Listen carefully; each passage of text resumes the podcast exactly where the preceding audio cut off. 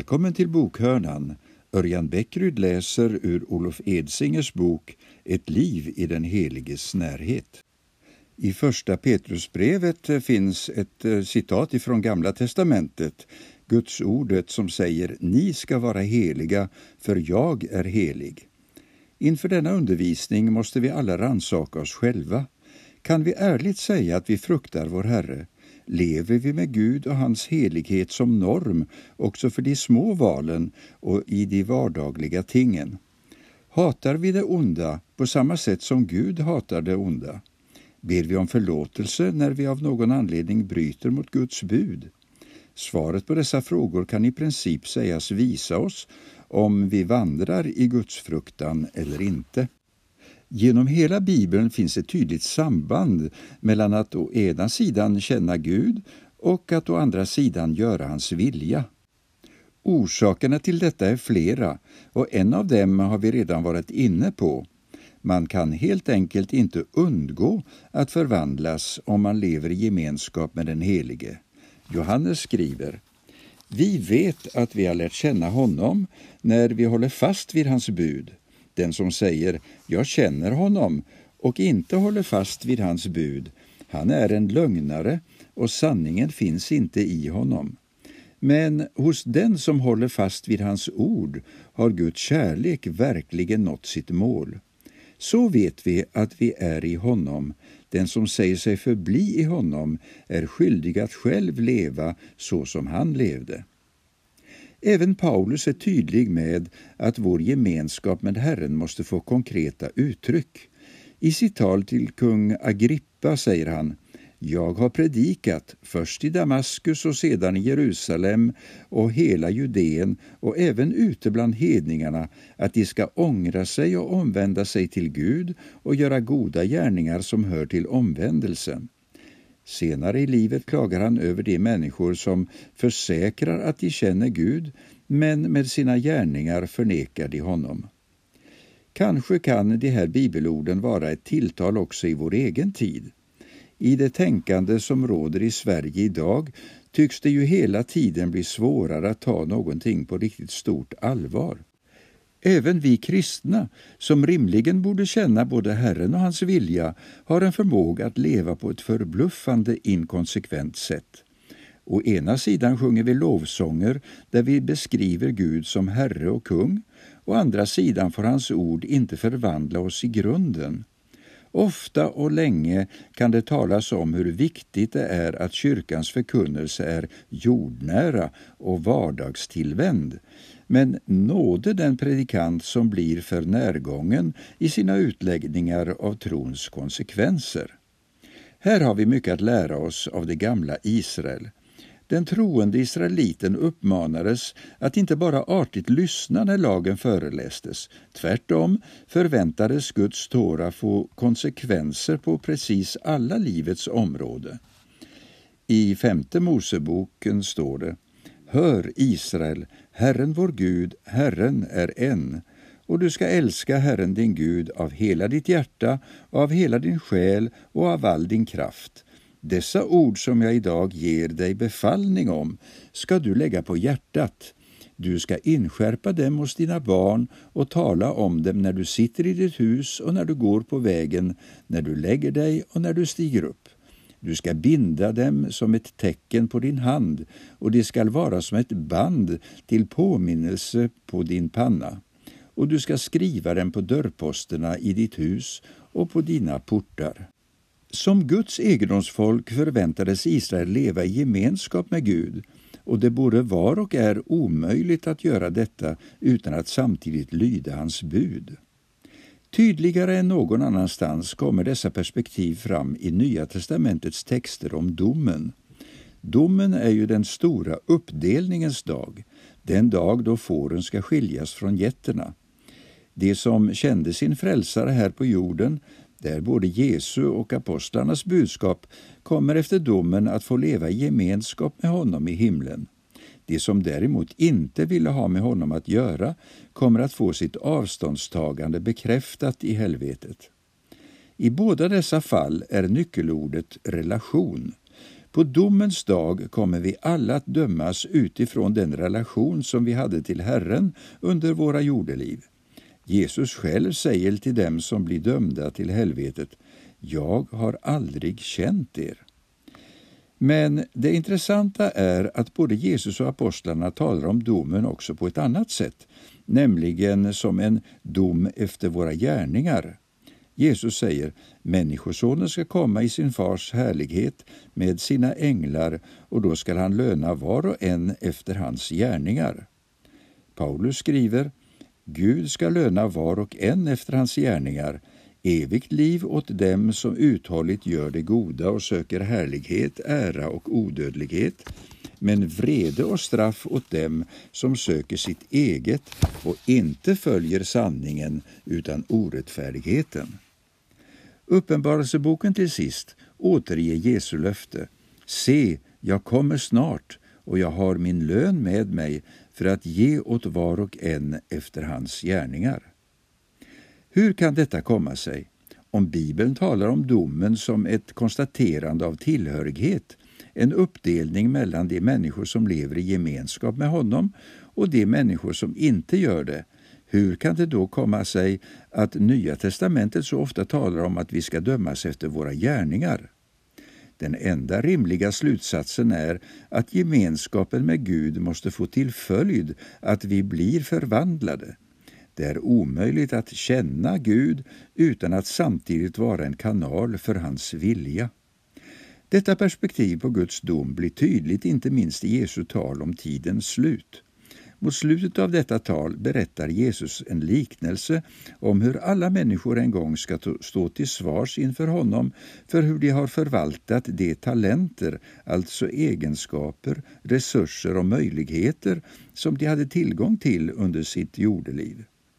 Domen, säger Jesus, står i proportion till hur mycket var och en har blivit anförtrodd.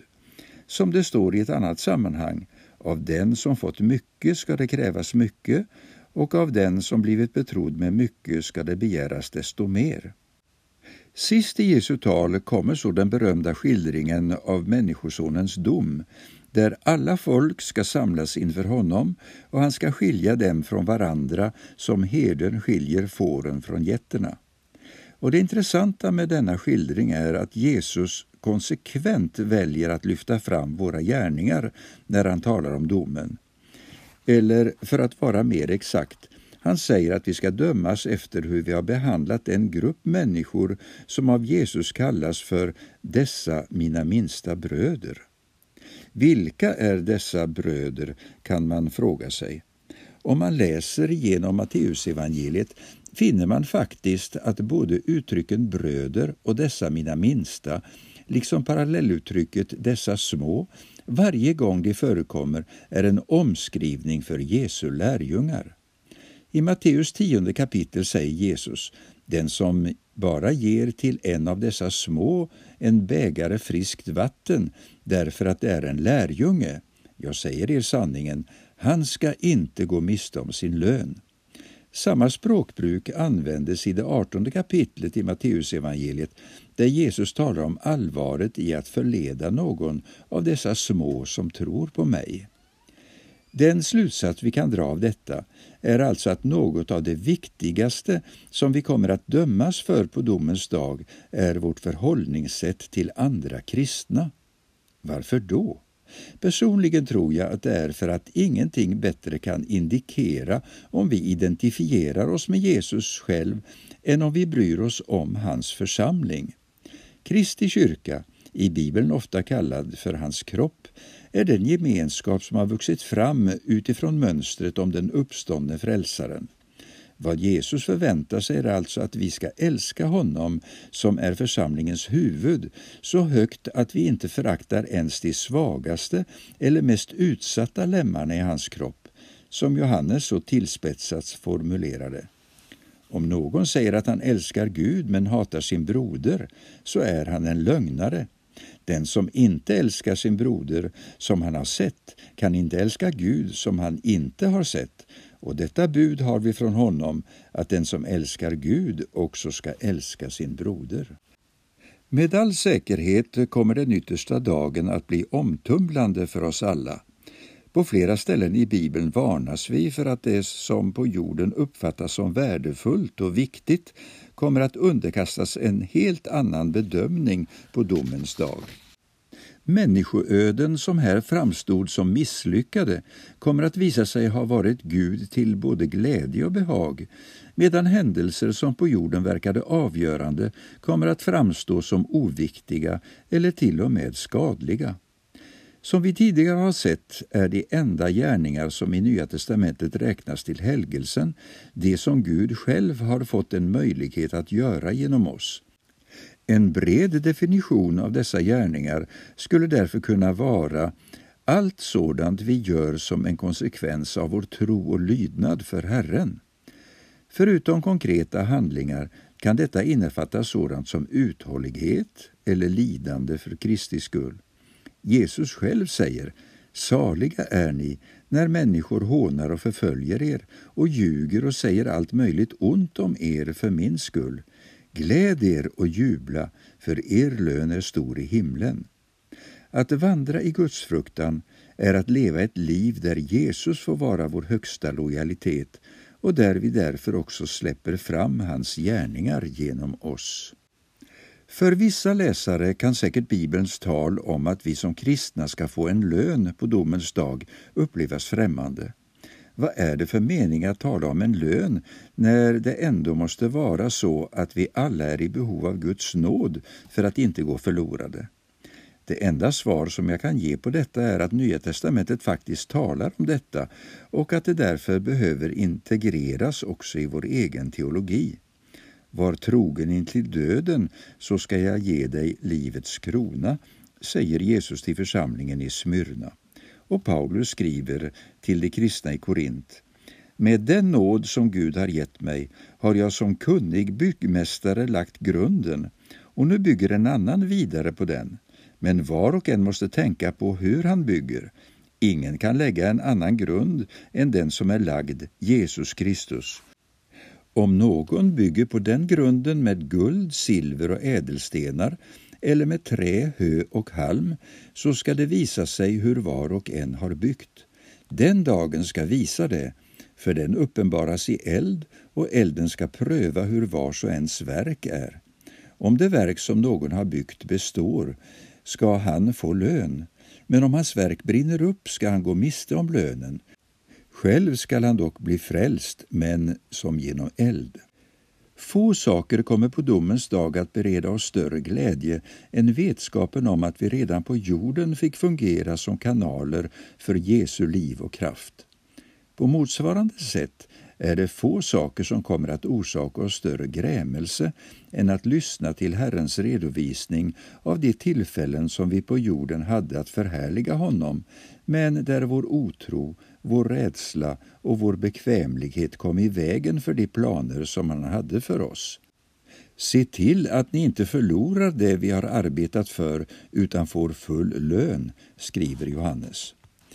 För mig kom den här delen av Bibelns undervisning att på ett särskilt sätt bli levande när jag för några år sedan var ledare på ett nyårsläger för tonåringar. På nyårsafton hade vi temat Jesu återkomst och det var jag som fungerade som mötesledare. Efter en fantastisk predikan av en kvinnlig talare gick jag fram till mikrofonen för att bjuda in till förbön. Men när jag stod där och skulle tala blev jag plötsligt helt överväldigad av det budskap vi hade fått lyssna till. På ett påtagligt sätt kom Guds ande över mig och jag blev påmind om det allvar som finns inbyggt i budskapet att vi en dag ska avlägga räkenskap för hur vi har levt våra liv på jorden. Ända sedan dess har jag fått bära med mig denna utmaning från Herren. Vårt sätt att här och nu förvalta vår tid, våra gåvor och våra resurser kommer på domens dag att belysas av den helige Guden. Välkommen att fortsatt lyssna till uppläsningen ur Olof Edsingers bok Ett liv i den heliges närhet.